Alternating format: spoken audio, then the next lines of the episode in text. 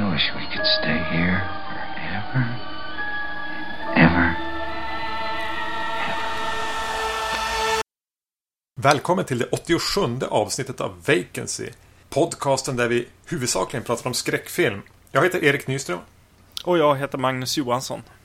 Du skrev till mig på Facebook härom, härom veckan med, med en fråga som sen utvecklades till en tanke hos mig som vi kanske skulle kunna erbjuda som en slags service till våra lyssnare och oss själva.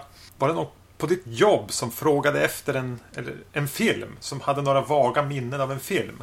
Ja, precis. Eh, det var eh, våran ljudkille som, eh, som jag väl hade pratat om att jag hade en skräckfilmspodd och så. Så då kom han en morgon och bara Alltså, jag har en film som jag såg när jag var liksom yngre och, och ja, den var så läskig, eller vad det nu var, som var spännande med den, eller roligt kanske den var till och med. Men det här, han bara, ja det är någon, någon familj som, eh, det, som liksom blir eh, typ haunted av någon slags demon. Eh, och eh, ja, vad sa han mer? Jo, han sa att, vet du det, och det går så, de, de kunde som inte fly vart de än tog vägen så var de eh, haunted här av den här demonen och, och man fick inte riktigt se demonen, kanske någon gång så här. Det var det som man minns där, Ja. lite löst. Han sa sent 70, tidigt 80 också, daterar den till. Just det, just det. Så det var det vi fick att gå på. Du, har- du, ja, men, första tankarna går ju typ till Poltergeist, till det kanske Amityville. Ja. Och jag prövade då, jag menar, det Besökarna, den svenska eh, det. skräckfilmen. Men det var det inte, det var mamman som var, skulle vara i, i, huvudpersonen. Ja, men exakt. Och då for det bara en tanke genom mitt huvud på en tv-film som jag såg någon gång när vi hade här, TV1000. Tidigt 90-tal. Ja. Som hette The Haunted tror jag, från 91. Ja, just det. Så jag bara kopierade den IMDB-länken och skickade till dig. Ja, Och bara, ja det var ju, det var ju den. ja precis. Han blev jätteglad. Och jag fick framstå som sjukt påläst och, och som något slags orakel, vilket jag inte är. Eh, hur som helst jag tänka på det här att det är ju ganska ofta som man har filmer som man minns fragment av, men man kan inte riktigt lyckas googla på dem och det är svårt att riktigt beskriva. Det är man vill, en film som man kanske gärna vill se om. Så jag tänkte att det kan ju vara ett ganska bra forum här eh, på Vacancy att vi uppmanar våra lyssnare får gärna höra av sig till oss om det är så att, att ni minns vak någon film eh, som ni skulle vilja se igen eller bara få veta vad det var. Så kan ju vi inte lova att, att vi vet. Även om jag nu eh, hade flyt med, med The Haunted. Men vi kan ju alltid ställa frågan rakt ut i etern så kanske någon annan lyssnare kan, kan hjälpa oss med att få svar på det. Exakt. Eh, Så se det som en uppmaning. Kontakta oss då på Facebook eller på podcastetvacancy.se. Och jag tänkte sätta igång det här då med med en egen fundering. På en, en film, eh, förmodligen en tv-film som jag såg när jag var alldeles för ung. Jag kanske var 11. Eh, såg någonting som jag tror är en brittisk film om några en, eh, familjer som är på en camping. Pappan i familjen stör sig på, på de ena grannarna på camping för att de är så här hurtiga och, och ställer upp sig och har likadana träningsoveraller och är så här flåshurtiga och positiva. Och han är väl lite mer så här inåtvänd och grubblande. Men han är där med sin familj. Och sen Eh, går han över till någon annan granne och eh, som han börjar sitta och dricka med och prata och beklaga sig. Eh, och de, de berättar en, en hemsk historia om en irländare som hade råkat skjuta skallen av sig eller om han hade fått halva ansiktet avskjutet. Och den där kvällen när de bara dricker mer eh, spårar väl ur lite grann att de bara blir för fulla och, och huvudpersonen däckar ha, ha, halvt om halvt eh, eller somnar och drömmer en mardröm om den här irländaren med ett sönderskjutet halvt ansikte som står i ett vattenbryn. Det är allt jag minns. Oh, wow. Mm. Ja, Det var jätteobehagligt när jag såg den. Eh, just det. Tv-film, kanske till och med ett avsnitt av en tv-serie. Så det här är en svår nöt att knäcka. Jag har försökt på andra forum på internet att ge den här beskrivningen. Ja. Jag har inte fått några som helst förslag ens. Så den som kan hjälpa mig till den här filmen, tv-filmen, tv-serien. Evigt tacksam. ja, precis. Du vet inte. Eh, nej, nej, jag vet inte. Ja, och du har ju varit på en filmupplevelse. Snöbio i Skellefteå. Ja, vad är det? De eh, skottar upp en stor bioduk i snö. Hårdpackar den. eh, Några meter hög. Och projicerar film på den. Det här var första gången i, i fjol där de visade några dokumentärer och några så här, lokalproducerade kortfilmer. Men de valde att köra vidare med det i år och vidareutveckla. Bland annat visade de Frost eh, Singalong klockan 16.00. Var tydligen Ja. en stor succé. Jag var inte där då. Ja, men den ska man ju se på snö. Ja, Ja, Eh, Och sen visar de även återigen några kortfilmer och en svensk film som heter Kapten Sverige regisserad av en Skellefteå bosatt regissör som heter Ted Kjellson. ja okej. Eh, Men avslutningen då på, på, på den här snöbiokvällen eh, var The Shining. Av Stanley Kubrick. Mm. Mhm.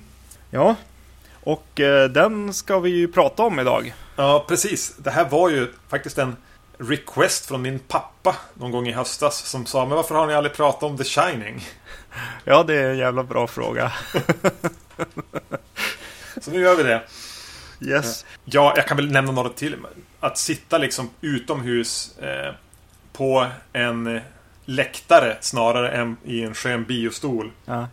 Jag är ganska tacksam att det inte var så många minusgrader som det hade varit tidigare i veckan. De var nog nere, alltså det var bara runt nollgradigt. Men två och en halv timme sitta still i nollgradigt på eh, snö och dessutom bli ganska kallt även det. Men det var en häftig upplevelse. Ja. Eh, och just det att eh, den här snöduken är ju inte helt slät. Det är ju omöjligt att få snö så slätt. Gör att det blir en viss struktur. Det blev lite 3D-effekter nästan. Man satt och funderade i vissa scener varför de har struktur, så här 80-tals strukturtapeter överallt. och som en kompis då som jag var där med pratade om att den här den, de är inne på en toalett i, i filmen. Eh, Mm. där, och, och pratar eh, Jack Nicholson, en annan karaktär, som en väldigt så här, stiliserad, det är vitt och rött där inne. Och så, extremt kliniskt. Men med den här lite skrovliga duken så såg det mer ut som någon har försökt så här, piffa upp en riktigt sunkig pizzeria med så här, och rolla den. Ja. Och ibland, och ibland förvandlades saker utanför fönstret till stora fjäll. Men det var visst ett moln, eller det skulle bara vara vitt, men det blev som ett jättefjäll tack vare den där strukturen. Och hur håller den här filmen ditt så här, din s- scheme att vad heter det, se Stephen King-filmer i turordning här? Ja, den, den håller väl ganska bra. Ja, okej. ja, skönt att höra. Lite Eh. trist att du är med på spåren med det. Mm, just det. Ja, det här, för den som inte vet det redan så är ju The Shining en filmatisering av Stephen Kings roman med samma namn. Den handlar om en familj som ska passa ett hotell i Coloradobergen över vintern när det stänger för säsongen. Isoleringen och eh, möjligtvis onda krafter som finns i det här hotellet driver så sakta en av familjemedlemmarna till vansinne. Exakt. Hur är det med spoilervarning? Ska vi, ska vi utlysa en sån? Det känns som en sån här stor klassiker på något vis eh, kan eh, tåla att liksom pratas ordentligt om. Jag tänker nästan att för att kunna få en ett samtal som inte bara består av oavslutade meningar så måste vi nästan få spoila den här för att hålla det intressant eftersom det är en film som det pratats så mycket om redan. Precis, och till saken hör även att eh, vi kommer att eh, efter den här eh, filmen kommer vi även att, att prata om den här dokumentären som kom 2012 som heter Room 237. som ju eh, följer några eh, analyser av, eh, av den här filmen. Så att eh, även där kommer det väl lysa igenom vad, vad den här filmen handlar om eh, och eh, hur det går för den här familjen. Yes. Stanley Kubrick, har vi pratat om honom någonting? Inte på Inte på podden. Nej, vi har gjort det lite. Det är nog möjligt att vi någon gång i något samtal vid något tillfälle har nämnt han i förbigående. Ja. Det känns väl som att alla filmintresserade män Mm. eh, någon gång, ganska ofta i gymnasiet och åren därefter, är extremt fixerade vid Stanley Kubrick. Mm. Och där är väl varken du eller jag något undantag. Nej, nej, definitivt inte. Jag vet inte om, om Kubrick är en regissör som behöver någon vidare presentation, men han var i alla fall ansedd som en av de stora regissörerna genom alla tider och känd för att vara eh, en extrem perfektionist. Jo men exakt. Han har väl gjort, vad gjo- vad gjorde han? 13 filmer eller något sånt där. Mm. Ja, eh, med tanke på hur länge han var aktiv så har han en ganska kort filmografi. Mm. Men, eh, ja. Han, var ganska duktig alltså. Ja, för, för att sammanfatta det hela. Mm. Minns du någonting om när du såg The Shining första gången? Har du något speciellt minne till den filmen? Nej, men du kommer säkert påminna mig. Nej, jag vet inte faktiskt. Jag kommer inte ihåg. Jag vet att det länge var en film som vi hade hemma här, kopierad från att någon hade antingen från tv eller att vi hade hyrt den. Och, Mm. och, och, och gjort en liten eh, piratkopia för eget bruk. Mm. Och att det var en film som min pappa pratade ganska mycket om. Han gillade den här filmen. Och eh, jag vågade ju aldrig riktigt se den. Eh, Den fanns där och jag ville väl kanske lite grann men det kändes som att jag bara skulle få mardrömmar av den. Ja. Eh, och jag har sett, hade sett glimtar och jag visste ju vad den gick ut på ungefär. Vad som, vad som skulle hända. Mm. Men jag vet att när vi slutligen såg den så var det ja, men vi, du och jag och två kompisar till oss som brukade hyra film tillsammans. Ja. När vi gick i... eh, Jag skulle tro att det här kanske var i högstadiet ändå, så här sjuan, åttan. Att vi hyrde Ja. den och såg den. Eh, Men jag har inget speciellt minne av vad jag tyckte om den då. ja, nej. Men jag vet att det var vi fyra som såg den. Mm.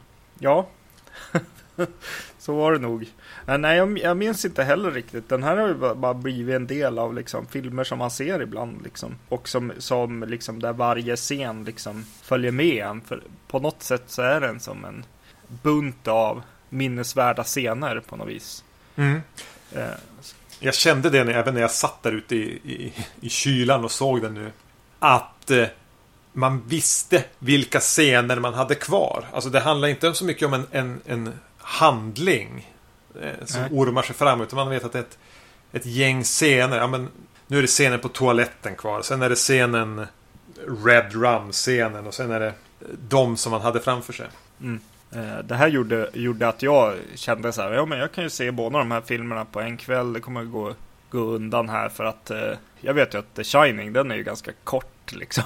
Den är kanske 1.40 eller någonting. Trodde du det? Ja, precis. Ja, nej, den är ju den är ju 2 och 24 men eh, ja. Vilken version för, var det du såg? Var det den amerikanska eller europeiska? För jag har... Eh, ja, jag har bara sett en, en version tidigare som har varit den europeiska versionen.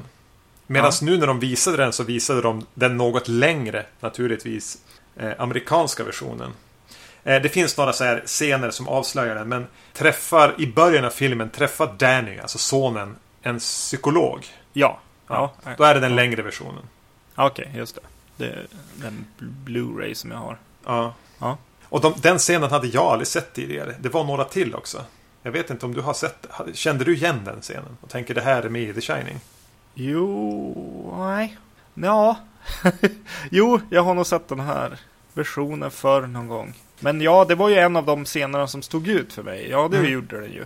För den är ju väldigt intressant eh, att ha med i den här filmen. Som, som eh, lägger till ett, ett mer psykologiskt eh, liksom, lager på det och, och förhöjer det lagret kanske man ska säga Mm. till, till eh, existensberättigandet på något sätt. Det den här versionen gör är ju, ja men den har med den scenen för att förklara lite grann bakomliggande faktorer eller eventuella förklaringar egentligen. Eh, Mm. Den lyfter även fram lite mer att eh, Jack har haft ett alkoholproblem än vad Ja, den precis. kortare versionen gör. Ja.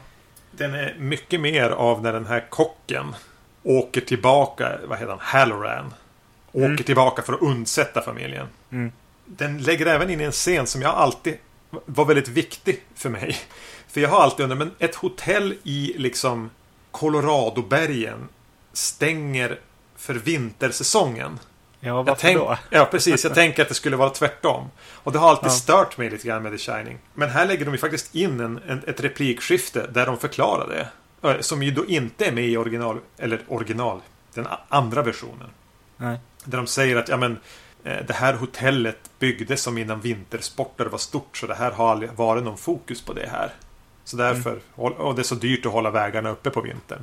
Känns lite Lite, lite som en nödlösning för att få fram premissen om att kunna bli isolerad i ett stort hotell i Colorado-bergen. Ja, precis. Jo, man måste förklara bort sig lite grann. Eh, Och sen är det en scen till som jag eh, aldrig hade sett förr då. Och det är när Wendy springer runt i slutet av filmen. Mm. Och är hysterisk så kommer hon in i ett rum där det är spindelväv och en massa skelett som sitter i, i Mm. kostymer och är dammiga. Lite så här, känns lite grann som The Goonies tänker jag på. ja, Eh, Den scenen, är, och den, den kan jag ju förstå att man väljer att ta bort för den, den känns inte alls som den hör hemma i den här filmen. den är lite mer Mick Garris. Jag trodde du skulle säga Scooby-Doo. Precis. Ja, nej. Eh, nej, nej, absolut. Det är väl den som står ut som så här, boo, lite skräckfilm liksom. På något sätt. Eh, Ja, nästan lite så här parodi på skräckfilm. ja. Jag kan förstå om man väljer att klippa bort de här scenerna ur filmen. Eh, en av de här film, eh, scenerna definitivt, eller vad eh, han eh, Halloran som ska komma och rädda dem liksom. De scenerna blir ju liksom, alltså det, Det- blir ju tråkigt. Det är ju dålig film liksom skapande där nästan. Ja, Det, det, det kryper verkligen fram. Jag kan förstå att Kubrick i, av någon anledning i något sammanhang satte sig ner och det här kan vi ta bort och tajta till. Ja, precis. Jag tänkte det. Jag tänkte, vad, vad har han inte klippt bort det här för liksom? Men eh, det hade han ju tydligt gjort då. I någon annan version liksom. Men jag gillar ju väldigt mycket den här äh, barn, äh, liksom, psykologen eller vad hon är, som kommer in där och äh, pratar med Danny, pojken här. Det är jättecoolt att hon frågar honom om han, alltså ja, det, det som händer just före den här är ju att vet du, Danny har en, eh, en låtsaskompis eh, som heter Tony som pratar med honom genom fingret med Mm. annan, annan röst. Eller med Danny pratar ju men med en annan röst. Eh, Danny säger att det är vet du, Tony som bor i hans mun. Säger han. Mm. Ja, och, och eh, han, Danny frågar Tony varf, varför vill du inte att vi ska åka till det här hotellet? Och Ton, Tony visar för honom en av de liksom mest slående bilderna i filmen med den här hissen som öppnas och blodet som rinner ut i korridoren. Mm. Och eh, det är tydligt att eh, Danny har liksom fått något anfall efter det här. Han har väl hittats avsvimmad på badrumsgolvet eller någonting. De pratar om epilepsi eller vad det kan vara. Jag vet inte om vi har nämnt det att, att en ganska viktig detalj eh, som då till och med titeln på filmen är ju att Danny, den lilla pojken, eh, har vissa speciella krafter. Han verkar kunna se in i framtiden. Han verkar kunna se tillbaka i det förflutna. Och kanske har han även möjlighet att kommunicera med andra människor som har den här förmågan. Mm. Men eh, jag gillar verkligen när läkaren där kommer och eh, när hon framförallt frågar honom om eh, han kände någon konstig lukt innan han liksom svimmade av. För är inte det en sån där schizofreni-grej liksom, eller? Eh, Jag vet inte. jag har för mig att det är ett tecken på, på schizofreni. Men det är ju verkligen som att hon skannar av eh, Danny om han kan ha någon allvarligare antingen fysisk eller psykisk sjukdom som ligger bakom det här. Mm. Men att hon bara, ja men det verkar rätt okej. Precis, och, och att lämna det i, i tittarens eh, huvud tycker jag är bra i det här fallet. Jag tycker den är bra att den är med. Och den visar ju också på mammans liksom vilja att skydda sin pojke och ta hand om honom. Jag ska snabbt bara gå tillbaka till scener som är med mer i den här versionen, den längre versionen.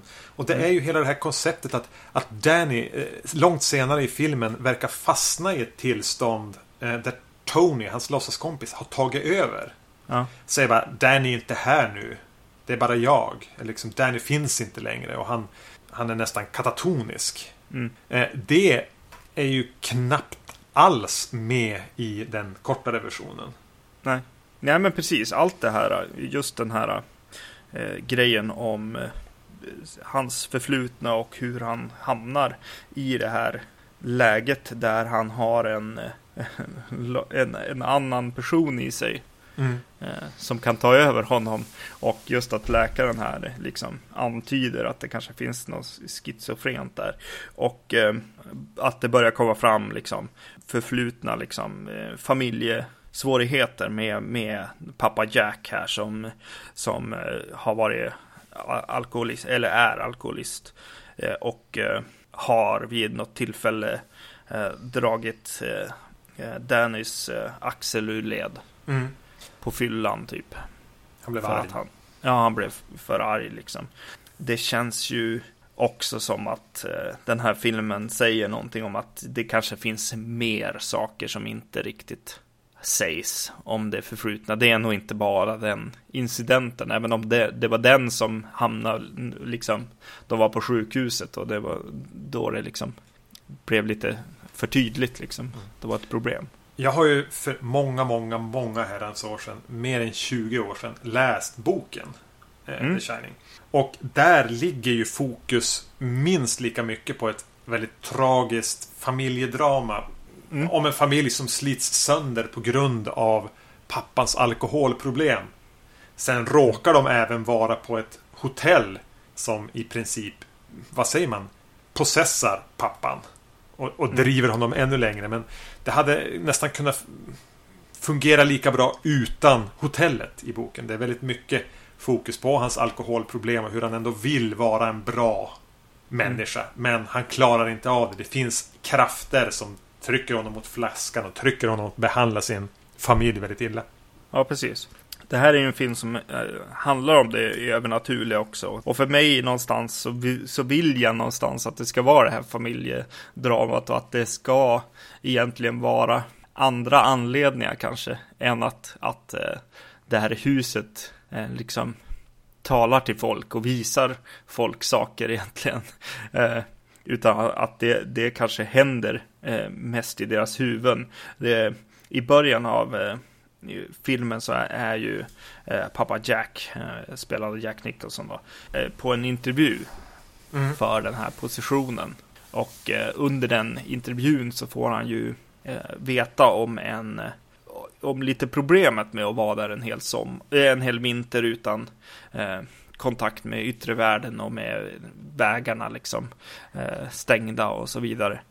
Där liksom, eh, vad blir det, kan det vara, tio år tidigare så är det någon som eh, har, eh, som hade den här positionen som, eh, ja men dödade sin familj Mm. med eh, sina, sina två dö- döttrar eh, och sin fru och, eh, och sen sköt sig själv.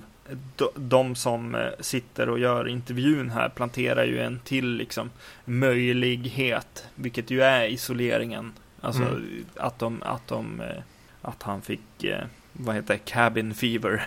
Lappsjuka som de översätter. Lappsjukan, ja precis. Och att kommer man in med problem in i, i det här huset och spenderar den här tiden kommer det kanske att börja ske saker liksom. Men hur tycker du att den känns då, The Shining? Går det att tolka den på båda planen? Att, ja men, den ena tolkningen är då att det här hotellet är en ond plats som påverkar människor och, och, och kan, har egentligen förmåga att, att eh, possessa dem. Eh, kontra att det är en familj eh, med problem på, redan när de kommer dit. Som på grund av isoleringen händer det som händer. Tycker du att båda tolkningarna är håll, håller de hela vägen igenom? Det finns ju egentligen bara ett tillfälle enligt mig där det inte håller. Mm. Eller där det, där det är ett eh, problem att så här, bara vara helt insnöad i så här. Det här händer bara för att eh, pappa Jack har en mental störning eh, som kanske yttrar sig bara i alkoholismen och eh, liksom att han, att han eh, abusive med sin son som han kanske också har fått från, från tidigare, liksom sin pappa kanske. Och eh, att Danny blir ju sjuk av det här också. De har ju, de har ju typ samma egentligen sjuk, Mm. sjukdom. Men eh, det är ju när det har eskalerat till en grad att de har varit tvungna att eh, låsa in eh, Jack i the freezer, vad heter det? Ky, ky, fry, frysen. Ja, det är väl i skafferiet egentligen. Ja, precis. Skafferiet, ja. och eh, då kommer det ju en yttre kraft eller liksom hotellet öppnar ju dörren åt Mm. honom där. Eh, utan att föregå eh, eh, Room 237, filmen med teorierna, så nämner de ju det eh, där att ja, men det finns ju faktiskt en möjlighet. Mm. Och det är ju att Danny släpper ut honom. Ja, precis. Eh, för vi ser ju faktiskt att han är uppe och rör sig i samband med det här. Jag hade aldrig tänkt på det förrän, förrän den dokumentären gjorde mig uppmärksam på det. Eh, och nu ska vi som sagt var inte gå händelserna i förväg, men just den detaljen kan ju vara värd att lyfta in redan nu när vi ändå pratar om det. Ja, precis.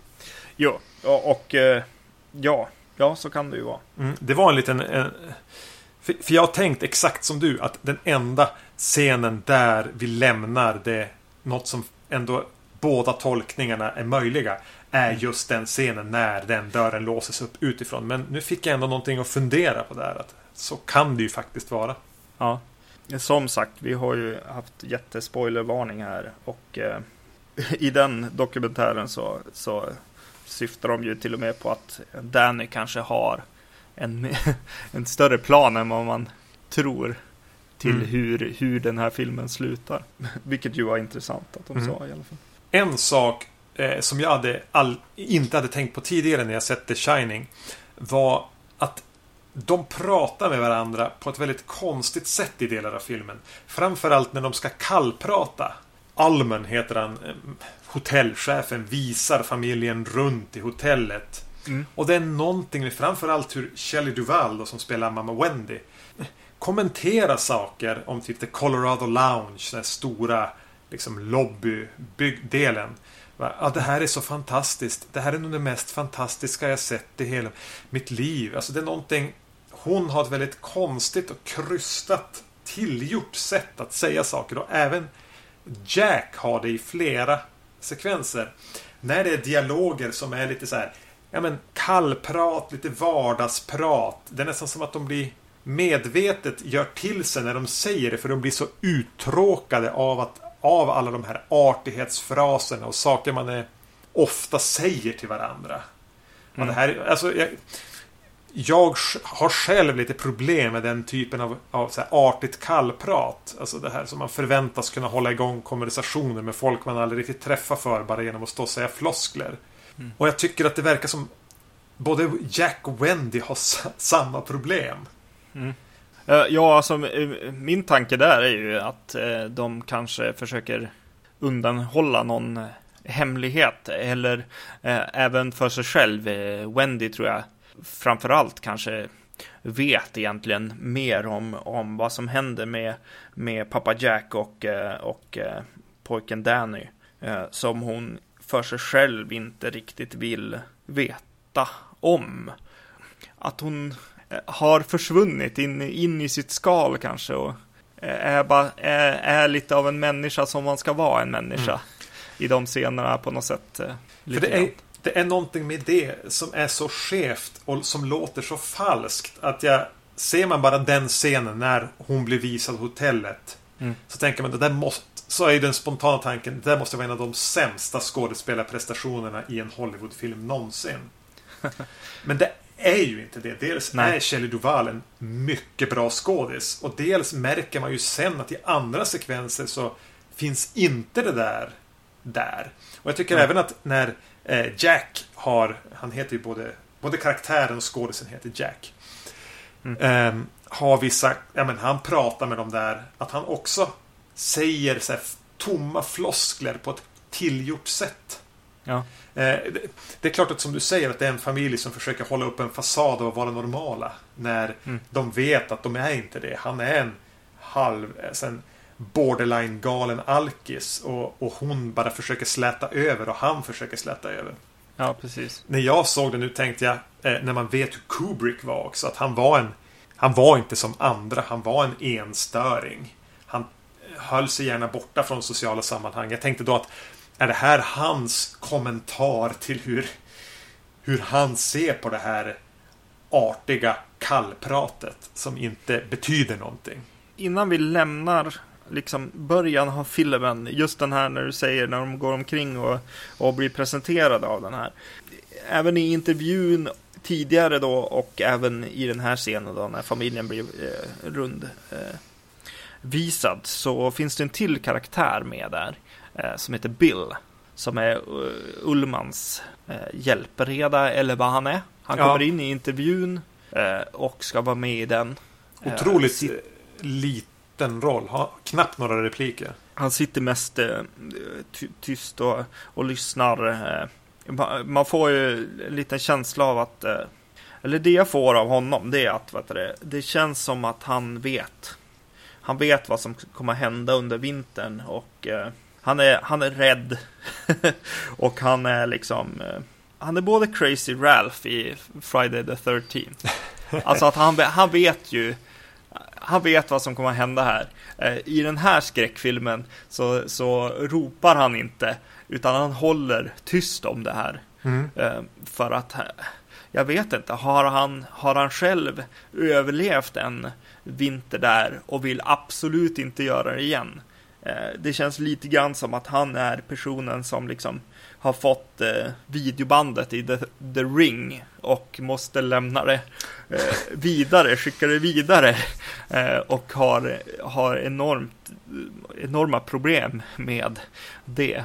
Dokumentären uppmärksammar ju i alla fall att det är, alltså att det är en, en skådis verkligen i den rollen. Det var inte Mm. någon, nu har jag inte hans namn framför mig här, men det är inte bara någon kompis till Kubrick. för Han har knappt några repliker, sitter oftast med, går med på den här rundvisningen. Men de har ändå bemödat sig med att ha en, en erkänd och en duktig skådespelare i den rollen. Ja. Vilket ju fick mig att tänka att den där, den där rollen betyder nog mer än vad jag någonsin har tänkt. Eller att den, eh, det är jätteintressant det du säger. Att, för han, eh, han har ju någonting melankoliskt över sig och den där The Ring-liknelsen var, var ganska klockren. Han, det är nästan som att han tittar på, på Jack med, med något slags både förakt eller lite sorgset hela tiden. Ja. Ja, det är jag som...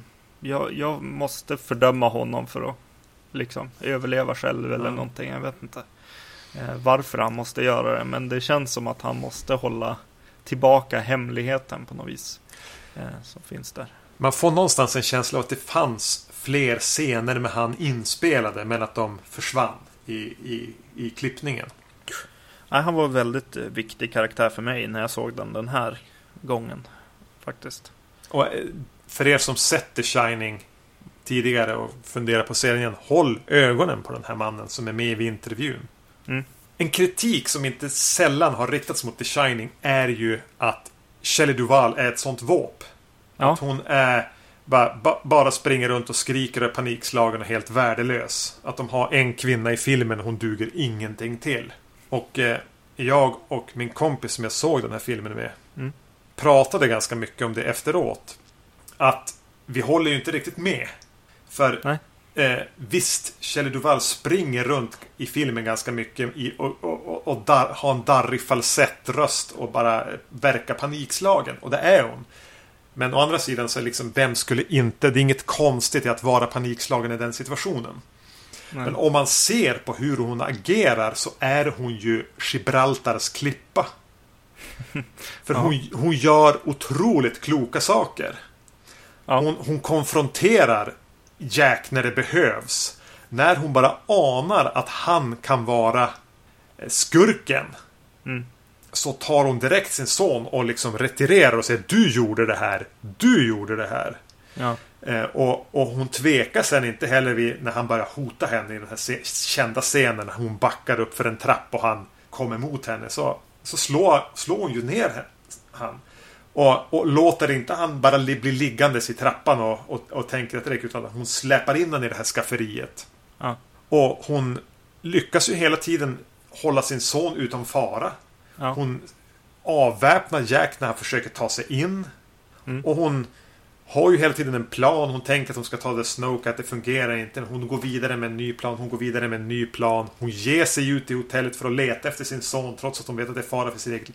Hon gör otro... alltså inte bara modiga saker utan även smarta saker. Hon gör rätt saker. Så även om hon hela tiden är panikslagen så är hon extremt stark. Eh, precis. För mig blir jag bara irriterad, men det är ju, för, det är ju filmskapandet eller liksom klippningen. Alltså att man, att, man, att man filmar många scener, det är ju bra. Men man ska ju klippa bort en del också, känns det som. Eh, hon har ju låst in honom här och eh, när hon eh, liksom, bara, ja men nu ska jag ta, ta den här Snowcaten därifrån eller, eller kalla på hjälp eller någonting så så ropar ju Jack där inifrån att säga ja, ja, kollar du, kollar du hur det går med uh, Snow, Snowcaten och med, uh, med radion du bara. Ja. Ja, okej. Okay. Först och främst så kan man ju fundera så här, ja men okej, okay, nu sa han att det där kommer att gå åt helvete. Men jag kan tänka mig att man går och kollar en av grejerna. Sen skulle jag nog inte ens kolla den andra grejen. Om man hade sagt liksom att, eh, att det är de här två sakerna som jag har förstört. Mm. Och så går man och tittar, jajamän, han har förstört den här grejen. Då, har han, då talar han förmodligen sanning om den andra grejen också. Det, det är vissa liksom grejer som gör filmen bara, bara längre. Istället. Och, och kanske då gör att hon känns lite dum. Ska hon verkligen måste gå mellan de här två grejerna för att få reda på att jo, han talar sanning liksom? Å ena sidan kanske jag skulle kolla båda. Eh, men det är jag om det här var i verkliga livet. Ja. Men nu ska vi se det här på en film. Liksom. Vi kanske kan anta att ja, men hon sprang nog och kollade båda. Ja, precis. Men när vi får se det så blir det, det är verkligen så här bara... Och särskilt när jag då satt och småfrös när jag såg den. Eh, att bara, åh, och så ska hon ju ut till den där jädra eh, skoter som en slags skoterbandvagn. Eh, ja. Kör, eh, ska hon ju dit och se det också. Ja, precis. Och så ska hon bli förfärad. Ja, precis. Ja, där blir den där grejen som folk känner om 2001. Att så här, fan vad långsamma tagningar eller någonting liksom. Eh, på en del grejer. Den, den grejen och så, vet det, och så den här uh, Dicks resa eh, dit bort liksom. Han kan väl komma in som ett wildcard liksom i slutet eller liksom så här. Och vad är det som låter? Det, det låter som att det kommer någon med en annan sån där Snowcat. Mm. Oh, vem är det? Jo, för han har redan ringt om det liksom. Vi vet ju att han bestämmer sig där för att komma dit. Ja, okej. Okay. Då kan han stå vid dörren nästa liksom, gång vi ser honom på något sätt. Men det är ju ett skämt alltså, i och för sig. Att han kommer dit och lever i att, några sekunder? Ja, precis. Och att, att han har gjort den här resan med, med, med liksom plane, trains and automobiles liksom. Mm. Eh, på något sätt. Eh, där det är liksom... ja, det är någonting. Det, det är ju förmodligen Stanley Kubrick som så här små fnissar liksom lite grann åt det där. Ja, den blir ju, särskilt i den här längre versionen så blir den ju oändligt lång också, hans resa. Vi får till och med när han liksom pratar med någon för att få tag i en sån här Snowcat själv. Och mm. Den blir ju parodiskt lång. Och ja, men visst, så här, det blir ett litet, ett litet skämt, som du säger. Men det, ja. det, det, det tjänar ju även en, ett syfte. Eh, och det är ju att de får en ny Snowcat att ta sig därifrån med. Ja. I boken eh, hade jag glömt, men, men han överlever i alla fall i boken. Mm. Han gör samma resa tillbaka, men han dör inte efter sju och en halv sekund. ja, just det. det. Ja, då blir det ju också lite grann så här retas med Stephen King. Mm. Känslan där lite grann som Stanley Kubrick är i, håller på med här.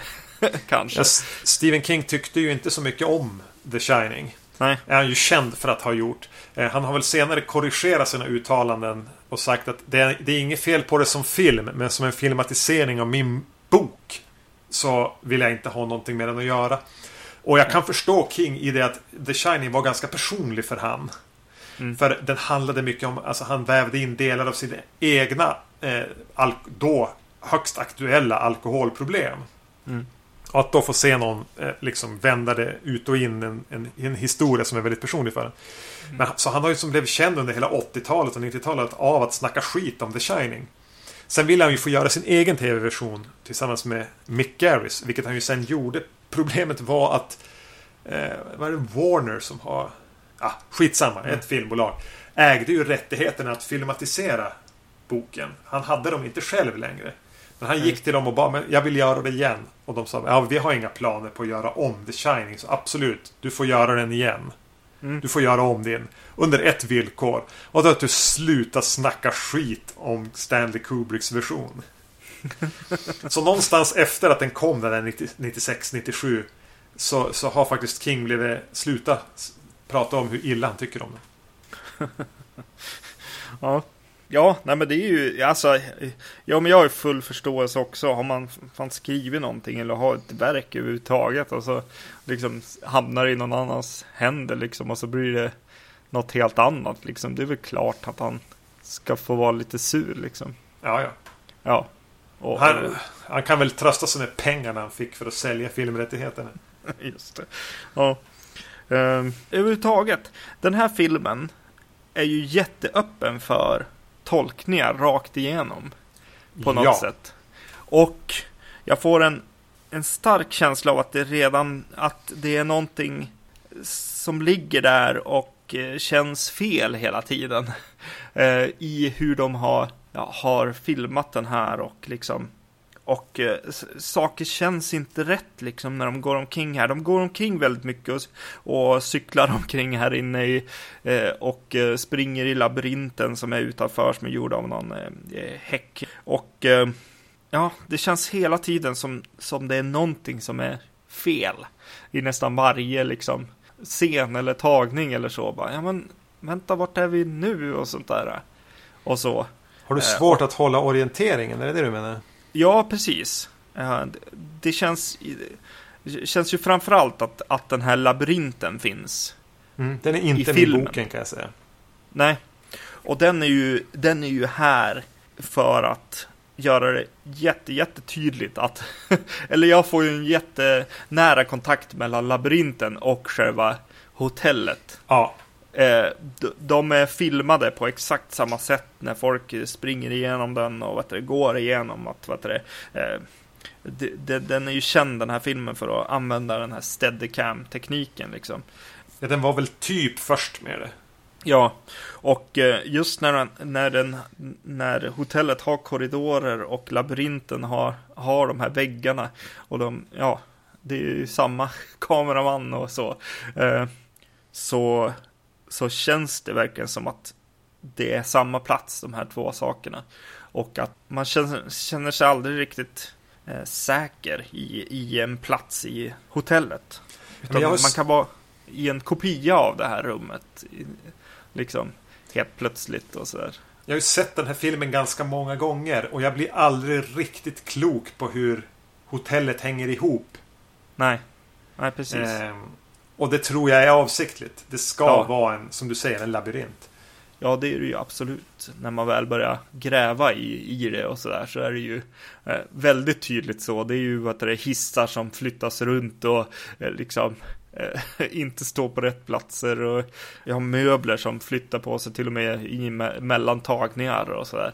Mm. Eh, eller mellan liksom klipp egentligen och, och sådana saker som gör att så här, bara, ja, men det här är, det rör ju på sig liksom eh, hela huset. Och så är det ju hela tiden hotfulla liksom bilder. Det är ju alltid så här, ja men röda korridorer när, när just den, man har sett det här eh, blodet flyta genom en korridor och då, Mm. ja, när man får se en, en helt röd korridor, ja då, då blir det ju det blodet man tänker på och eh, det är hela tiden liksom symboler och bilder och grejer i själva bilderna som man ser. Eh, till exempel när den här kocken eh, Dick sitter med Danny och eh, snackar i köket och de, vet det, ja men de pratar om det här med The Shining och eh, eh, som ju eh, är det Danny verkar ha. Typ. han, Telekinesi, eller vad man ska säga. ja, eller någonting, ja precis. Mm. Och helt plötsligt kommer en hel bild där, där eh, ganska låg så här när de snackar. Eh, och så bara, vad, vad är det jag känner nu? Kände jag. bara, det är någonting som är jobbigt för mig nu. och tryckande, jag bara, ja men ska, det, ska jag känna att det står någon emellan dem och titta på dem eller? Liksom det börjar bli lite hårresande liksom, Mm. bara den bilden. Och så sen inser jag att, vet du, ja men just det, det hänger ju liksom 20 knivar kanske ovanför Dannys huvud bakomför honom på en pelare. Jag som tänk- är just över huvudet på honom. Så jag bara, vad fan. Jag tänkte på exakt den scenen den här gången. Det är kul att du säger det. Just den bildkompositionen. Hur Ja. de låter det här, eh, så här köksknivarna sitta på en pelare runt om bakom dem. Jag tänkte, ja det där är ju ett ganska subtilt sätt att skvallra om vad som kommer att hända. Ja, ja precis. Ehm, och, och jag har aldrig tänkt på det tidigare. Jag har sett den här många gånger och jag har sett den med både liksom med vetskap om vad som ska hända och med lite mer eh, filmanalytiska ögon. Och det hade jag aldrig tänkt på tidigare men jag noterade det faktiskt den här gången. Eh, då, då kanske det är dags att prata liksom ren teknik också. Det är ju fantastiskt eh, foto i den här. Både alla, alla vet du, det, steadicam, shotsen när han eh, cyklar omkring där, eh, Danny, pojken. Mm. Och eh, ja men från första rutan egentligen när de, när de har de här helikopterbilderna som följer deras gula bil där. Och, Ja, det, ja. eh, ja, men det är ju tekniskt eh, briljans. Eh, ja, ja precis. Jo. Kubrick har ju sitt sätt att kom komponera bilder, ofta ganska centrerat med ett visst perspektiv. Han var, han var ju fotograf Ja. i grunden. Eh, otroligt fin bild, eh, bilder och vad det, åkningar. Och eh, ja, och mu- musiken är ju fantastiskt också. Sjukt bra. Ja, han använder ju verkligen klassisk musik som han har klippt lite grann med och lekt med. Ja, Eh, och det är ju mycket stråk, eh, sjok och sånt där som man har ju hört. Jag vill tänka mig att man har hört det före The Shining, men framförallt efter bara såna här gnissliga stråkar. eh, Som, Mm. och, men han, på något sätt så sitter det lite, lite bättre tajmat här än, än, än vanligt. mm. jo precis. Och så de här jobbiga ljuden och allting, gnisslet och, eh, och det. Och någon slags här rasseltrummor i såna här chockzoomningar. Han gör ju ganska, kan ju göra både in och utzoomningar jobbar ju med ganska Mm. mycket. Vilket inte är jättevanligt egentligen. Och, och, och så blir det som ett ljud som nästan ändå maracas eller någonting. Ja. Som jag tror att om man lyfter ut ur filmen och bara hör det så låter det ganska löjligt. Jo, precis. Och så har han ju, han har det här pianot från, eller som är väldigt, eh, jag tänker på Ice Wide Shut. Varför? Kalla plinkiga pianot. Ja, precis. Eh, som funkar väldigt bra också i sån här, när det ska bli tungt och läskigt på samma gång liksom. Mm. Jack Nicholson då. Ja, precis. Jack Nicholson. Eh, På något sätt känns det här som filmen som fick han att bli den här lite smått galne Jack Nicholson. ja, Eh, och jag, och jag har sett en del av filmerna han gjorde på 70-talet. Eh, så var han betydligt mer nedtonad. Mm. Medan här är, får han ju verkligen tugga fradga. Och eh, dregla och yla och skrika. Och le obehagligt och kröka ögonbrynen och skådespela till tusen. ja, precis. Ja, och det är väl den här och Gökboet som är liksom hans stora sådana roller på något vis. Ja. Mm. Ja, men vad tycker du då? Är, är du för eller emot? Jag, jag är för, jag tycker det funkar väldigt, väldigt bra med honom i den här rollen och eh, han är ju läskig från liksom ruta ett tycker jag också, ja, vilket var någonting frugan påpekade. Så här, bara, ja, man kanske vill ha en, en större eh, liksom, eh, uppbyggnad från liksom god till ond på något Mm. vis. Men, men jag tycker det den blir ju så stor den stegringen ändå. Fast att han börjar på en ganska mörk plats redan från, från ruta ett på något sätt. Han, han kan ta det ännu, eh, ännu längre liksom. Ja, eh, han gör ju en del saker som är så galet och stort skådespeleri. Mm. Att det, eh, det skulle kunna bli jättelöjligt. Och kanske i vissa scener, i vissa eh, leverans av några repliker att det inte riktigt fungerar. Att, jag fnissar nästan. Mhm. Mm. Men när han gör de riktigt stora grejerna och är riktigt... Nej, men han, I slutet så står han ju faktiskt och yla och bara gaggar. Ja. Och men, Here's Johnny-scenen och, och allting. Där klarar han faktiskt av att hålla det så att det blir till en obehaglig vettvilling och inte till en clown. Nej, precis. Den slutar väldigt likt Texas Chainsaw Massacre på ett sätt också. Ja, Fast, fast han behöver Faktiskt. inte Han behöver inte motorsågen eller liksom masken här utan han är motorsågen. Ja, precis. Eh, och det finns ju eh, fantastiska scener just när han är den här lite jobbiga pappan, hotfulla pappan liksom, som han, som han ju tydligt förmodligen är. Redan innan han stiger in i hotellet liksom. Eh, får jag en känsla av i alla fall.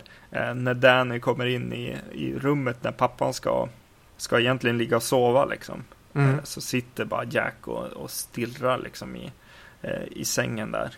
Och så blir han ju som, ja, vaknar han som till när eh, Danny kommer in och, och Danny sätter sig i famnen och de eh, liksom pratar, pratar ut lite grann. Eh, han, Danny inser väl att ja, det finns ingen hjälp att hitta hos pappa. Nej, det sätt, liksom. Det är ju en scen där han försöker vara den ömma fadern. Ja. Och det är ju kanske den scen där han är nästan mest obehaglig. Exakt. Eh, och eh, den scenen är ju fantastisk också, för nu, nu börjar ju de här spegelbilderna börja komma in i filmen på allvar också, som, som är något slags tema i den här filmen med speglarna. Och hela tiden när, han, när Danny sitter där i pappas knä så sitter han ju och stirrar in i vart vi vet är, äh, ut ur bild, där vi vet att det står en, en spegel Japp. och att han förmodligen ser in i, i badrummet eller badrumsdörren där det ju kommer att ske. Det Mm. sto- stora klimaxet på något sätt. eh, eh, Och även den här eh, berömda Red Rum rev- revealen. Vilket ju är fantastiskt. Tycker jag också bara som så här. Ja men det är fantastiskt filmskapande på något sätt. Eller filmberättande. Mm. Faktiskt, faktiskt med i boken. ehm, också. Eh, Och det är som så märkligt. Det här gäller ju verkligen att kunna... eh, för på papper är det inte så obehagligt på ett sätt. Nej. Att bara någonting är en sak bakvägen och i en spegel blir det ett ord som blir jätteläskigt. Mm. Nja, alltså det, är ju, det händer ju när bild, bilder och musik och skådespel klaffar. Mm. För som idé betraktat är det ju inget speciellt. Det går Nej. ju inte att berätta den scenen så att den blir obehaglig. Ja. Vilket man kan göra med andra kända scener från skräckfilmen. Men försök berätta Red Rum-scenen för någon som inte sett filmen. Och få den att verka läskig. Du är en sjukt bra berättare. Ja, jo. Eh, precis. Jag gillade en detalj i deras badrum också, för det känns som en, också en sak som, som finns i den här filmen. Det är ju badrum som en läskig sak. Kubrick hade sätt. väl någon liten fetisch för att alltid låta badrum vara med i filmer och kanske även vara ganska, ha mer eller mindre viktiga scener utspelas inne i badrum. För när, när Jack Nicholson för första gången får, får gå in i, i deras liksom, badrum. Ja, så tar han som tag i vad heter det, duschdraperiet. Och tittar som in bakom det. Och så bara, ja, lämnar han det så här. Och sen när man har sett den här filmen några gånger nu. Så bara, ja, kan det ha suttit någon där? På något sätt i badet. Även i det rummet. Nej, men det känns... Eh, det känns som att efter det så blev det... Då, där går ju också den här överanalysgrejen liksom i huvudet liksom igång på något sätt. Till slut blir det så här bara, ja, jag måste se på alla blickriktningar överhuvudtaget i den här filmen. Vad tittar de på och varför? Och så vidare. Han går ju, han går igenom en korridor där det finns eh, speglar, ja, som sagt speglar. Men, eh, och liksom varje gång han går förbi en spegel i den här korridoren så får han som ett utfall. Eh, han är ju redan arg på och upprörd liksom. Men varje gång liksom han går förbi typ tre speglar eller vad det är, då bara ah, rycker han till liksom extra mycket och får det värsta utfallet. Så. Mm. Och man bara, vad, vad är det i, i spegeldimensionen där som gör att han liksom, ja nej det, det är häftigt liksom. Och hela scenen är inne på det här badrummet som jag nämnde tidigare. När han pratar med Gray, Delbert Grady. Mm. Eh, Så får man ju en stark känsla av att det speglar det där som är det viktiga. Av sättet han klipper mellan närbilderna på deras ansikten. Inte, det är väl Mm. halvbilder. Det är ju också lite skevt komponerad. Han hoppar över den här berömda 180 graders regeln på ett märkligt sätt. Och, Mm. och, och de tittar eh, båda två ungefär som man tittar i en spegel. Det är någonting som är konstigt och hela det rummet är ju fullt av speglar också. Ja, precis. Jo, precis. Sitt, står han bara där och tittar in i en spegel och pratar goja liksom. Mm. Uff, det är otroligt bra.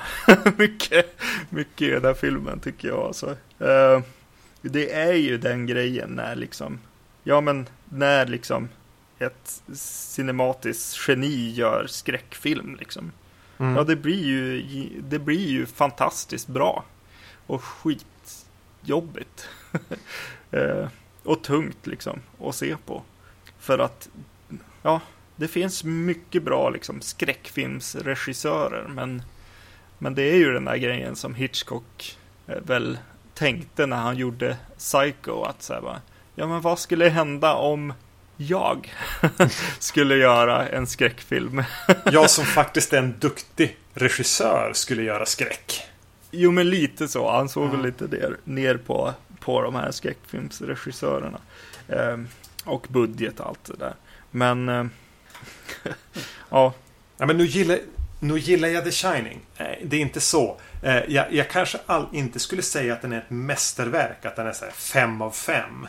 mm, För mig är den kanske fyra av fem. Den har jättemycket skitbra grejer. Alltså man, jag fick flera gånger så, vissa scener och hur han valt att liksom iscensätta dem. Så får man ju gåshud. mm, Eh, sen satt jag ju och frös också. när jag såg den. Vilket kanske inte... Men vissa scener sitter jag och längtar till. Eh, och bara får den här rysningen. mm, Men samtidigt är det någonting mer än som har det här lite eh, distanserade som Kubrick ofta blir anklagad för. Att det är kyligt och intellektuellt eh, snarare än känslomässigt. Och att den på något sätt är lite för ta sig själv på ett väldigt stort allvar. Vilket den i, till 99% egentligen klarar av också. mm. Eh, Men det är, en, det är en skitbra film, men jag, jag, tycker inte att den är ett mästerverk. Den, den saknar några så här, lite grann för att nå ända fram för mig. ja, ja.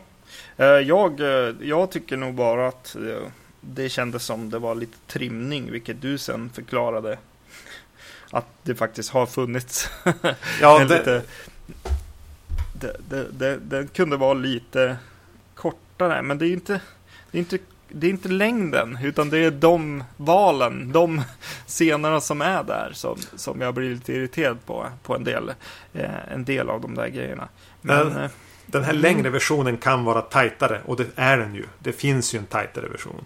Och mycket av det han har valt att eh, skala bort från den här är ju sånt som hör hemma i papperskorgen. Eh, Så den längre versionen är, om du frågar mig, eh, sämre än den korta. mm, Du, du, du blir av med den här scenen med psykologen. Du blir av med lite så här som kanske skapar eh, fler tolkningsmöjligheter. Men som film betraktat blir den mycket tajtare.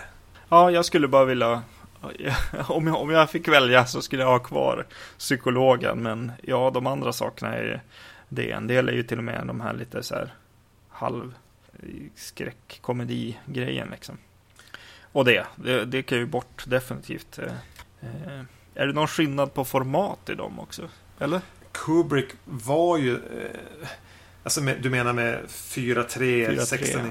Han var ju lite ambivalent kring det där och gjorde väl ofta sin... Han visst, kände ju till liksom hemmavideomarknaden och visste vad de skulle göra med filmerna där och försökte ju ha det i åtanke när han gjorde Mm. sina filmer. Att ja, men den här ska även fungera i, på, på, en, på en vanlig TV hemma så här 1983. Några år sedan. Ja, precis. Jag har för mig att bilderna i, i den här dokumentären är 4-3 Mm. Eh, ja. Jag har sett båda versionerna och det, det, det håller liksom ihop i båda. Det ser inte konstigt ut i någon annan. Nej, just det. Eh, ja, den är riktigt bra. tycker jag. jag tycker det är härligt med den här, eh, alltså att man, att man gör skräck av liksom oron eh, mycket mer än de faktiska skräckelementen. Och, och efter man har sett filmen kan man ju till, till och med ibland känna att så här bara, ja man kunde inte ha gjort en skräckis mer.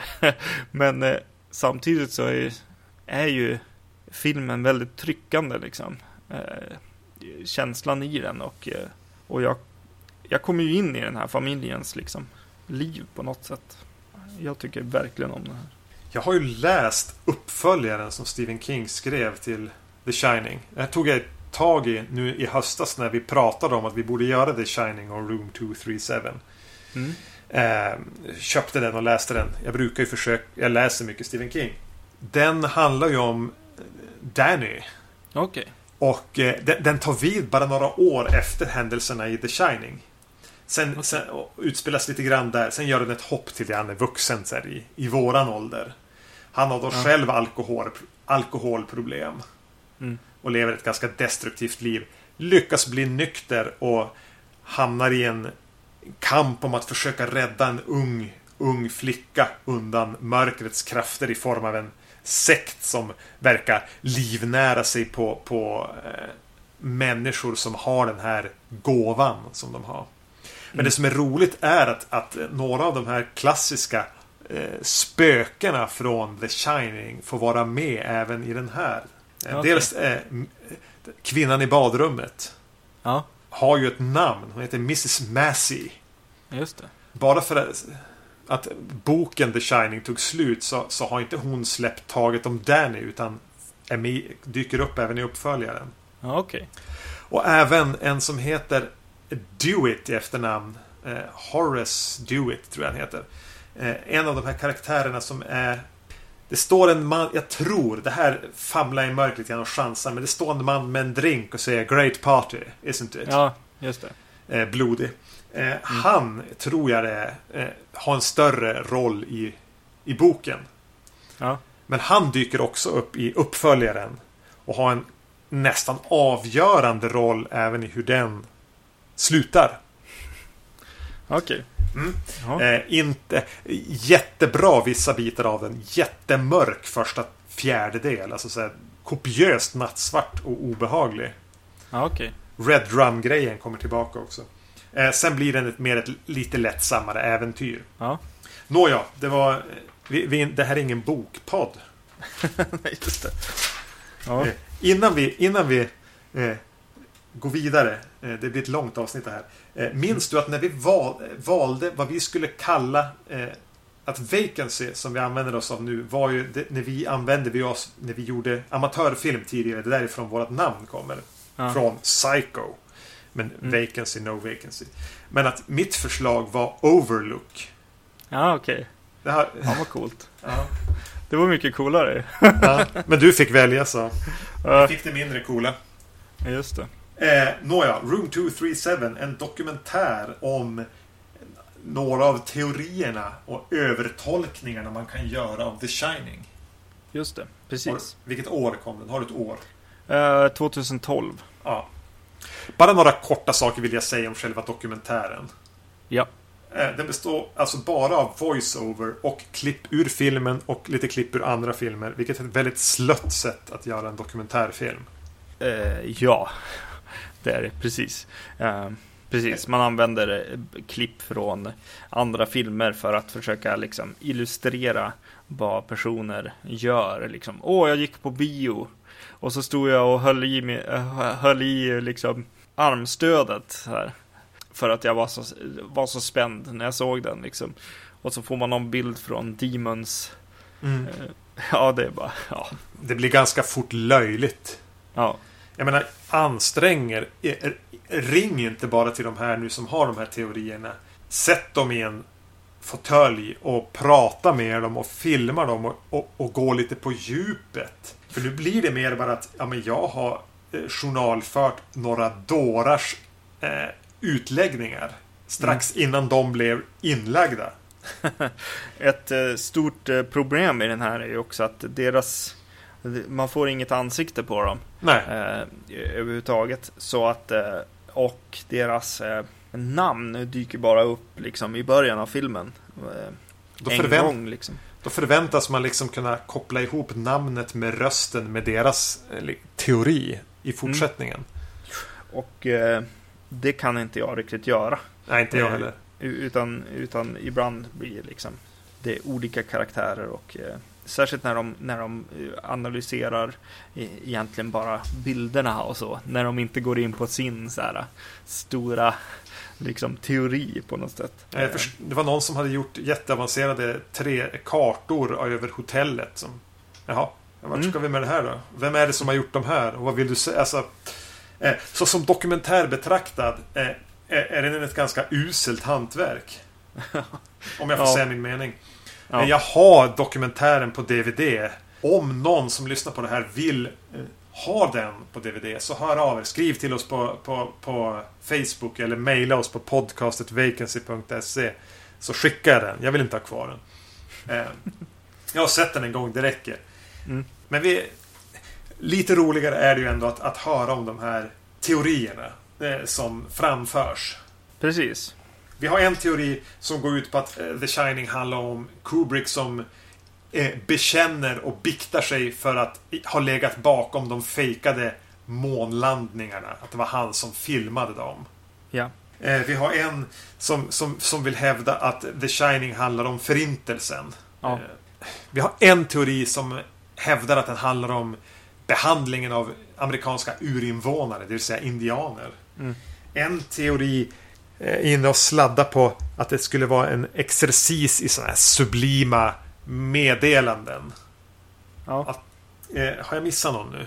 Ja, nej men det är väl två som är lite mer så här lite lös, eh, lösryckta sådär att eh, det bara är sublima meddelanden sådär. Ja, så var det den här om han som valde att se den både framlänges och baklänges samtidigt. Ja, just det. ja.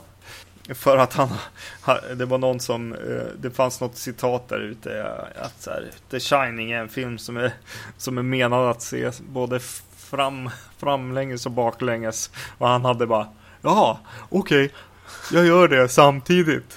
Se vad som händer. Han sa, han sa ju själv att det var ju mer som en skojig grej så här.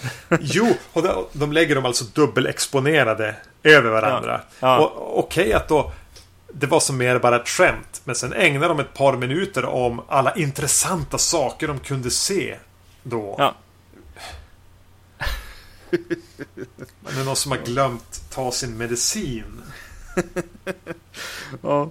Det, det roliga med den här, alltså innan vi djupdyker i själva grejerna, så igen om filmen som helhet så handlar den ju väldigt, väldigt mycket i slutändan om eh, hur man, om överanalys och om eh, hu- hur man också själv analyserar ut efter det man kommer in med.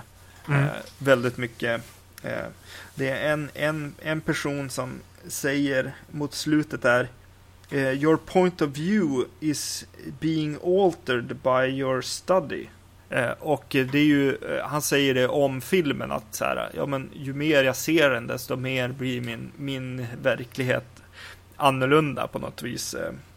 Eh, och, och min åsikt om den är annorlunda. Men jag, om, jag, om jag ser det från andra hållet så, så tänker jag så här. Jo, det du har studerat innan, det du kan och kommer in i filmen med, det är det du kommer se i filmen. Eh, Precis. det, det, det man får eh, känsla av här att man vill göra är att komma in med en infallsvinkel eh, dragen ur höven liksom. Den här filmen handlar om smartphonens, eller mobiltelefonens inträde i vårt samhälle. Vilket ju är någonting som kanske händer efter den här filmad, men förmodligen så kom, kommer man kunna se att det, att det är ju så. Ja, ja. Eh, Ja, Med, med tanke på eh, hur mycket de pratar om Kubrick som ett slags utomjordiskt geni så skulle jag inte bli förvånad om de även hävdade att han kunde förutspå eh, mobiltelefonernas inflytande på vårt liv 2015. Exakt. Eh, jo, precis. För det visar sig ju att eh, de här personerna liksom, ja men den här indianmannen eller eh, han som eh, tycker att filmen handlar om eh, folkmorden på, på indianerna liksom, eh, är, har ju studerat liksom i, indianer. historia liksom. Och, eh, och eh, framförallt den här eh, nazisthistorikern som tycker att den handlar om förintelsen. Det är ju, där är ju väldigt tydligt att så här, okej, okay, ja men du ser ju det du vill se i den här filmen. Medan en del tycker jag är ganska kul mm. grejer. Jag tycker att det är kul hon, hon eh, som har börjat se liksom hur, ja men hur sitter det faktiskt ihop det här jäkla huset. Det är av intresse för mig personligen. Eh, för att eh, det får jag aldrig riktigt eh, grepp på och ska väl aldrig få egentligen heller. Men det är ganska kul när de väl så börjar rita de här små kartorna och inser att så här, ja men fönstret i Ullmans rum, det är ju helt omöjligt att det ska titta ut. Mm. liksom det, det tittar in i en annan korridor och sånt där egentligen. Eh, och sådana grejer, vilket ju är supersmart när man gör en eh, skräckfilm. Att bygga en, en, en plats som är omöjlig. Ja, men det är ju mer att hon bidrar med information utan att direkt göra några tolkningar av det. Precis. Och det, jag håller med, det är intressant. Det visar att det, det, är så mycket som inte stämmer att det måste i någon utsträckning vara medveten kakofoni i logiken. Mm. Utan att det, det är ju inte jätteuppenbart. Men det, det, är så tydligt att man blir vilsen. Mm, precis, och så finns det en annan eh, kille som eh, har jobbat på något filmarkiv. Eh, och arbetar med liksom, bilder från eh, andra världskriget och andra krig. Liksom. Och eh, ha, när han jobbar med det så inser han att vänta, det här, allt är ju det här är ju lögn liksom. Eh, det är ju så här, oh, när man ser bilder från Normandie, eh, ja då är det egentligen liksom en landstigning liksom i, någonstans i Hollywood eller, eller på någon militär eh, ställe liksom och sådana såna grejer liksom. Eh, eh, vad som är skillnad på propagandafilm och liksom faktiskt arkiv, eh, foto. Och han är lite mer också bara så här, ja men dra lite roliga grejer liksom. Och, och se lite saker som går förbi det man faktiskt själv kan se i filmen. Ja, han sitter ju inne med ganska extrema specialkunskaper. Han sa ju det att han tittade på sådana där journalfilmer. Mm. Men nästan, han jobbar väl med det? Han såg ja, det dagligdags. Ja. Och då börjar man ju se saker, sa han ju i princip. Precis.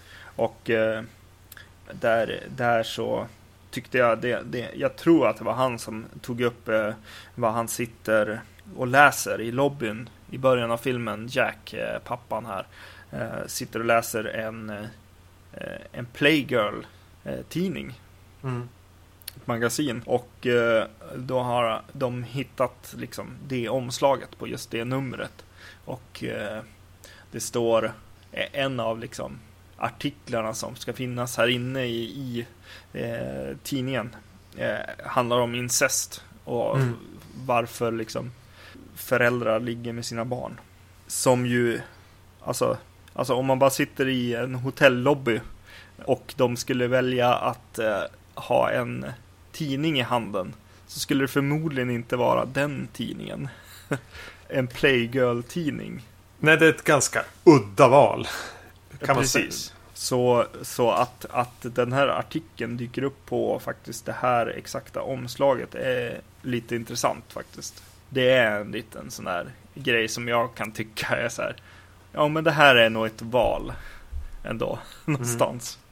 De sublima meddelandena då? Kubrick i molnen eller att eh, Almen eh, får få en slags sublim erektion när han skakar hand med Jack. Det är väl egentligen bara på skoj. Han kan ju inte vara allvarlig med dem själv, han som sitter och lägger fram dem. Vi skojar han med oss. Ja, ja men han, han är ju den första som lägger liksom korten på bordet och liksom där vi får se bara okej, okay, ja men den här killen ska vi inte lyssna på liksom. Det första han tar upp är så här, ja men Stanley Kubrick är ju i molnen här ja. i, i början liksom. Okej, eh, vilket är ju bra för, för narrativet tycker jag i dokumentären. Eh, att de säger där att så här, ja just det, du kanske inte ska lyssna på det här. Vi kanske inte tror på det här liksom. Det är inte någon slags så här, vi försöker inte berätta om filmen egentligen. Det är ingen bakom kulisserna grej det här. Utan det här handlar om de här karaktärerna.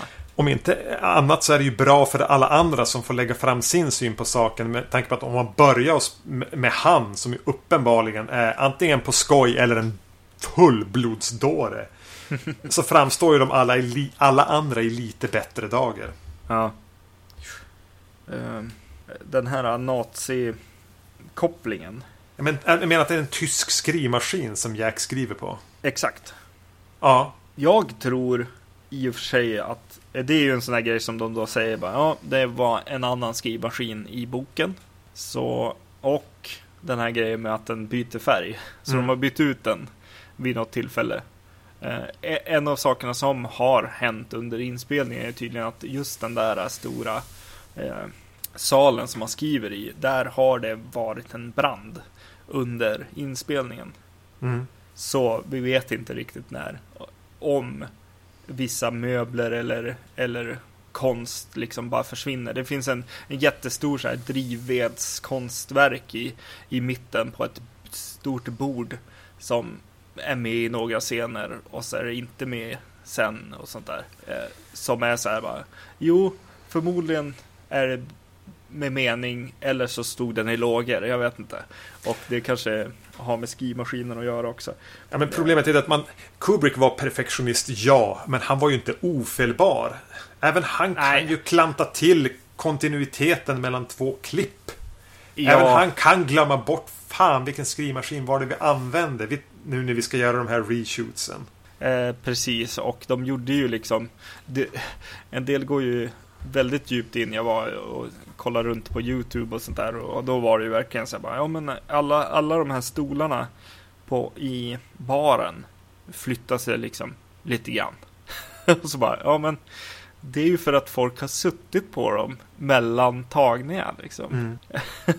och så vet det men, men sen är det ju större grejer, det försvinner liksom eh, grejer och, och saker ja, verkligen försvinner liksom. Eh, han, han som du sa står i korridoren och skålar och säger vilket party liksom. Ja. Eh, den, han står framför en helt vit vägg och, och där sekunderna innan, höll jag på att säga, minuterna innan i alla fall, så hänger det tre stora tavlor på den väggen. Och sådär. Där, där har de ju tagit ner tavlor. Ja, ja. Eller satt upp tavlor i alla fall. Men ja, eh, så, så det finns ju en, det, det finns ju en sak i filmen med att liksom, man aldrig riktigt vet vart saker är eller när saker är kanske. Mm, det kanske är det, det han vill visa egentligen. Att så här, vi hoppar ja, i tid kanske. Lite grann av temat med filmen är ju att det förflutna och kanske framförallt ondska i det förflutna äter sig in i nutiden och i verkligheten. Mm. Även om det kanske oftast bara är som bilder i en bok. Som, som en karaktär säger till en annan. Ja, men nazi, nazigubben, han, han eh, hakar upp sig på eh, att han ser siffran eh, 42 i allting. Det är typ det. Ja. Och, och, 1942 var väl året för den slutgiltiga lösningen. Ja, precis. Och, eh, och så är det ju den här indiansnubben. Han ser ju bara att det är indiansaker överallt och det gör man ju. efter att den utspelar sig i Colorado och, det ja, guldruschen och indianer och så vidare liksom. Eh, det är ju research. Mm.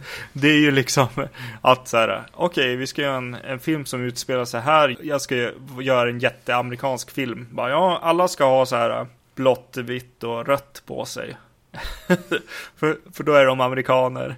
Ja, men allting, allt det där tycker jag. Alltså just om, om indianerna och och även sagogrejer som dyker upp liksom. Det är mycket Hans och Greta och de tre små grisarna och Minotauren också i vad det, labyrinten. Det är klart man har en, en referens till det eh, för att man är påläst. Man har gjort sin research. Det är liksom.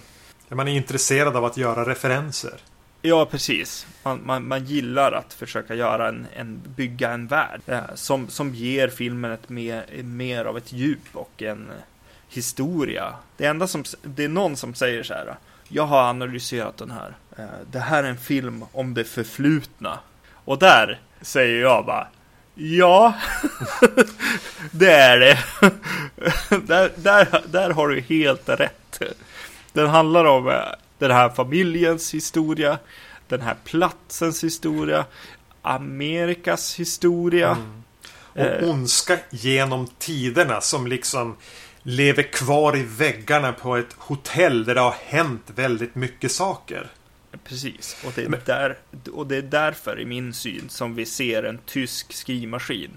För det finns ett litet så här halv eh, naziaktig sån här örn på den.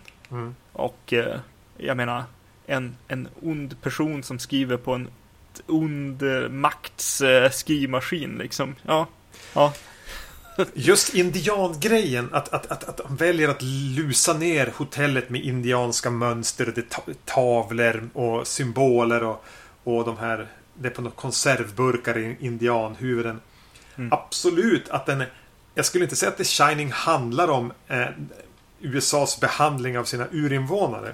Men den är ju väldigt medveten om vad den vite mannen har utsatt den röde mannen för. Och den här den blodiga och onda historiken som finns. Och, och kanske det dåliga samvetet och skulden som finns.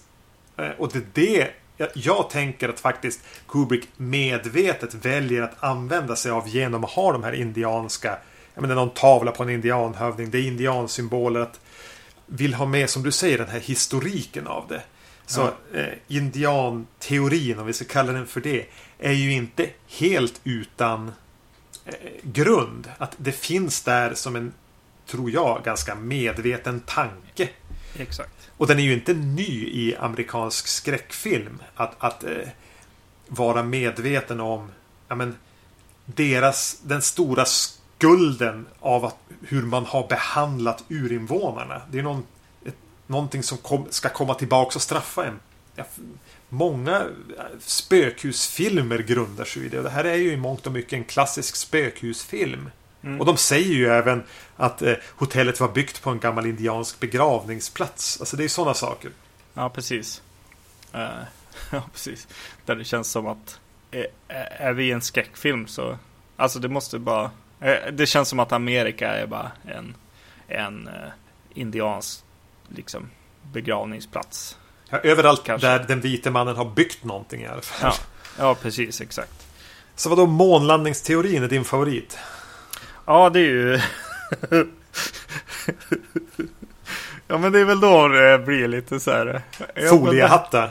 Ja, det här är ju lite tokigt liksom. Och, och, och jag tror att det finns det finns någon, någon så här känsla av att försöka visa att så här, jag, jag, jag tror att Stanley Kubrick inte är så himla amerikansk. Jag tror att han är ganska anti. och jag tror att han gärna ger den här familjen så patriotiska liksom, bitar som möjligt till sig. Liksom. De får gärna ha något sportlagströja eller de får gärna ha liksom, ja men Apollo 11-tröjan där och, och som sagt eh, bära flaggans färger. Ja. Eh, och ja, precis. Och jag tror även liksom, ja men som indiangrejen att, att, att vi där också liksom, att vi, det här guldrummet och alla festerna och alla mm. de människorna som, som faktiskt har varit i det här hotellet. Han som står och skålar där med sprucken skalle. Så att han kanske inte ens har en hjärna kvar. Mm. Men han kan fortfarande vara eh, så här eh, social och eh, liksom partyprisse på något sätt. Är det det som är USA? Ja, men precis. Det känns ju lite grann som att han är och retas. Ja, är det, även, är det även väldigt amerikanskt att ha sex med någon i en djurdräkt? Ja, men precis. Och det är väl, ja, ja. Då börjar vi komma in på Illuminati och sånt ja. där får man själv ta på sig foliehatten kanske. Mm. Eh, nej, alltså den där månlandningsteorin om att Kubrick helt enkelt bekänner du verkar Ja, det- kunnat ta det. Du, du, du har lyckats ta den teorin med en klackspark. Eh, jag blir mer bara. Jag tycker det är pinsamt när någon ens börjar prata om så här fejkade månlandningar. För då vet man ju att det, är någon snubbe som inte. Som även tror på så här chemtrails och, och konspirationer och, och Ju- Kennedy-mordet och eh, var en konspiration och allt det där. Ja, men det vet ju de som har gjort den här eh, filmen också. Eller han som har gjort den här filmen. För att eh, mot slutet så sitter han ju till och med och, och pratar om att han är övervakad av, av Amerikas. Ja just det, han tror att han kommer förmodligen, vad är det han säger? Mitt Visakort kommer att sluta fungera nu eller något sånt där. ja, precis, just det. När jag säger det här i den här dokumentären. Ja, fantastiskt. ja. Nej men alla är ju lite tokiga liksom i den här dokumentären. Även liksom att börja så här kartlägga liksom grejerna, vilket är ju mer, ja, en av grejerna som jag kanske skulle ha gjort Men det är väl i ett tidigare skede i mitt liv. Man kan vara nörd. Och så Ja. kan man vara lite galen. ja, Jag menar nörden får för sig att bygga en modell av Overlook. Eller kartlägga hur rummen ser ut eller liknande. Mm. En dåre tillskriver ju sakerna en betydelse. Ja, precis. Ja, exakt. Ett litet tips också om man vill grotta ner sig ännu mer i, i The Shining kan ju vara att, att googla på Collative Learning. C-O-L-L-A-T-I-V-E. Learning sen då. Mm. Som någon, Rob Ager heter han. Någon väldigt brittisk eh, jag tror han är psykolog eller något. Men han har i alla fall gjort väldigt mycket filmanalyser på en rad olika filmer. Eh, som finns att se på hans eh, sida som heter Collative Learning. Mm. Ehm, vissa kostar och jag har aldrig tänkt betala någonting. Men vissa är gratis. Finns även på YouTube. Bland annat en teori om, om speglarna i The Shining. Det finns någon annan som jag skickade till dig en länk. Jag vet inte om du såg den. Jo, jo, jo. Eh, Something in the River of Blood. Just det, just det. När, när hissdörrarna öppnas. Att det ser faktiskt ut som det faller ut någonting ur hissen. Eh, Ja. Ganska kul att titta på. Och jag kan inte slut... Varje gång jag såg den nu i filmen efteråt så tittade jag ju på det där. Och det är ju någonting som faller ut. Ja, det är det ju. Ja, Eh. precis. Antingen det eller någonting som eh, försöker hjälpa dörrarna upp, tänker jag. Ja, det är det jag tänker. Att någonting för att få upp dörren eller någonting för att pumpa ut blod. Att det är en slang eller någonting. Men det är ju någonting där. Ja, precis. Jo, det är det ju. Eh, vä- väldigt... Eh, ja, precis. Längst ner i, i den blodgrejen. Eh, det var coolt att se på, på Blu-rayen nu också. Mot för den där internetvideon. Liksom. Så du vet vad det är nu? Du har sett vad det är? Nej, nej, det kan jag inte säga att jag har. Men, det, men den, den eh, internetvideon skulle ha varit i HD. Så Han, visade även att när Danny trampar runt med bilen där och stannar utanför Room 237 första gången så är det en dörr bakom han som är öppen. Precis, mitt emot eh, eh, Ja men rummet eh, mitt emot har, är stängt. Han tittar på, på dörren och så när de klipper tillbaks så är den dörren öppen. Eh, Oh. Den som är som mitt emot i Mm. korridoren. Svagt, lite lite öppen. Det blir mest bara mörkt när man ser det. Det kanske syntes, även det syntes bättre på en Blu-ray än på en Eh, snöduk. absolut. Absolut. Eh, ja, men det är definitivt öppen dörren. Och den här på, går in i mer så detalj kring saker i The Shining som har lite mer resonerande än de här dårarna i Room 237 och li, kanske lite mer tyngd. Kanske lite. Ja. Eller om inte annat så är han bättre på att argumentera för sin sak. Ja, precis. Jag kan tycka att liksom, han är ju också en sån där så här, Kubrick skulle inte släppa iväg någonting liksom. Mm. Så bara, ja, fast har du hällt ut blod i- en miniatyr av en korridor, alltså massor av liter med blod i liksom, vilket verkar ha, han verkar ha filmat det liksom jättemånga gånger. Det- Till slut så måste du nog ta en tagning, alltså även om du är Stanley Kubrick. Ja, men han hade ju också producenter. Han hade ju inte helt fria händer. Nej, precis. Han gör ju fortfarande film. Ja, han hade väl stått och filmat. Alltså, det var inte så att de lät han filma den scenen i flera, flera år. Nej, nej precis. Och han, även han var ju mänsklig. Han tröttnade väl någon gång. Ja, precis. Så jag tänker snarare att det är ett effektsteam som är, får panik när dörren inte öppnas helt. Och som måste vara, går in och bara snabb drar i den. Jag tänker på att det är typ Tom Savini som... Som ligger i blodet där och Ja, som dörren. ligger och bara "Ah, jag måste öppna. Eh, För man vet ju inte riktigt hur stor den här korridoren är. Heller, så det kan vara fingrar eller det kan vara en arm eller det kan vara vad som helst liksom. Mm. En person. Eh, nej men eh, den här Rob Ager då, i alla fall ofta säger så kan det vara. Han har ändå det här, det, det är inte så många bestämda åsikter utan den har den här mer resonerande tonen. Och kanske ett lite mer sofistikerat drag. Alltså Ja. håller sig lite mer inom någon slags rimlighet och säger så kan det vara. Och det här kan vara. Och det verkar finnas ett tema kring. Än att säga det här handlar om förintelsen. End of discussion. Punkt. Ja, Det är kul kuriosa. ja det är det.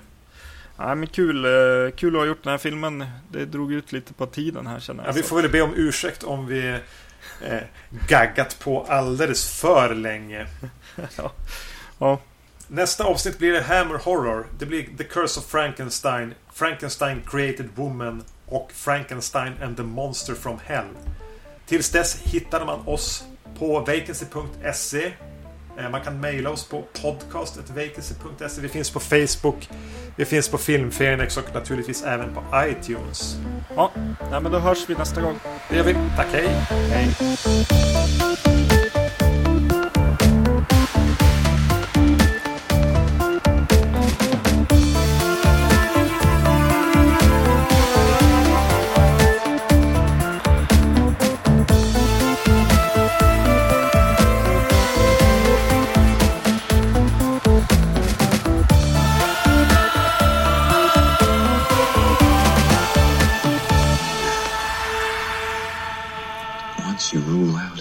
Version of what happened, there is no other explanation.